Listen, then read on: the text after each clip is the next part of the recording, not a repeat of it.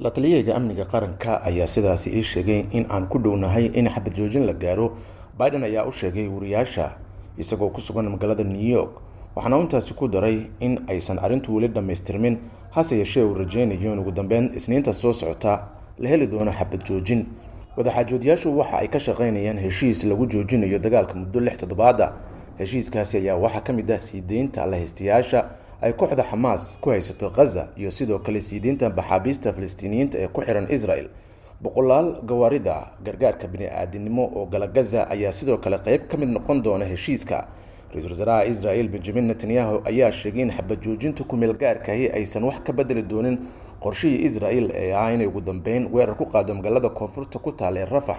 si loo gaaro yoolka israel ah buu yidhi baabi'inta xamaas rajada howlgalka rafax ayaa qayladhaan caalami ah ka soo yeertay sababtoo ah tirada badan ee falastiiniyiinta ee ku dhaqan halkaas qaar badan oo ka mid a dadkaasi ayaa ka soo baxsaday colaada gaza. Israel waa ay yaraysay weeraradii ay ku haysay rafax ayuu u sheegay biden. Wariyaha seth myres ee ka tirsan tv-ga n b c gaar ahaan barnaamijka late night talaadadii waxa uu sheegay inay jirto awood lagu daadgureynayo qaybo badan oo ka mid a dadka ku dhaqan rafax oo uu yidhi ka hor inta aysan israel meesha ka saarin haraadiga xamaas xafiiska netanyahu ayaa isniintii sheegay in militariga israel uu siiyey golihiisa dagaalka oo qorshe dadka lagu daadgureynayo aagga dagaalka ee marinka gaza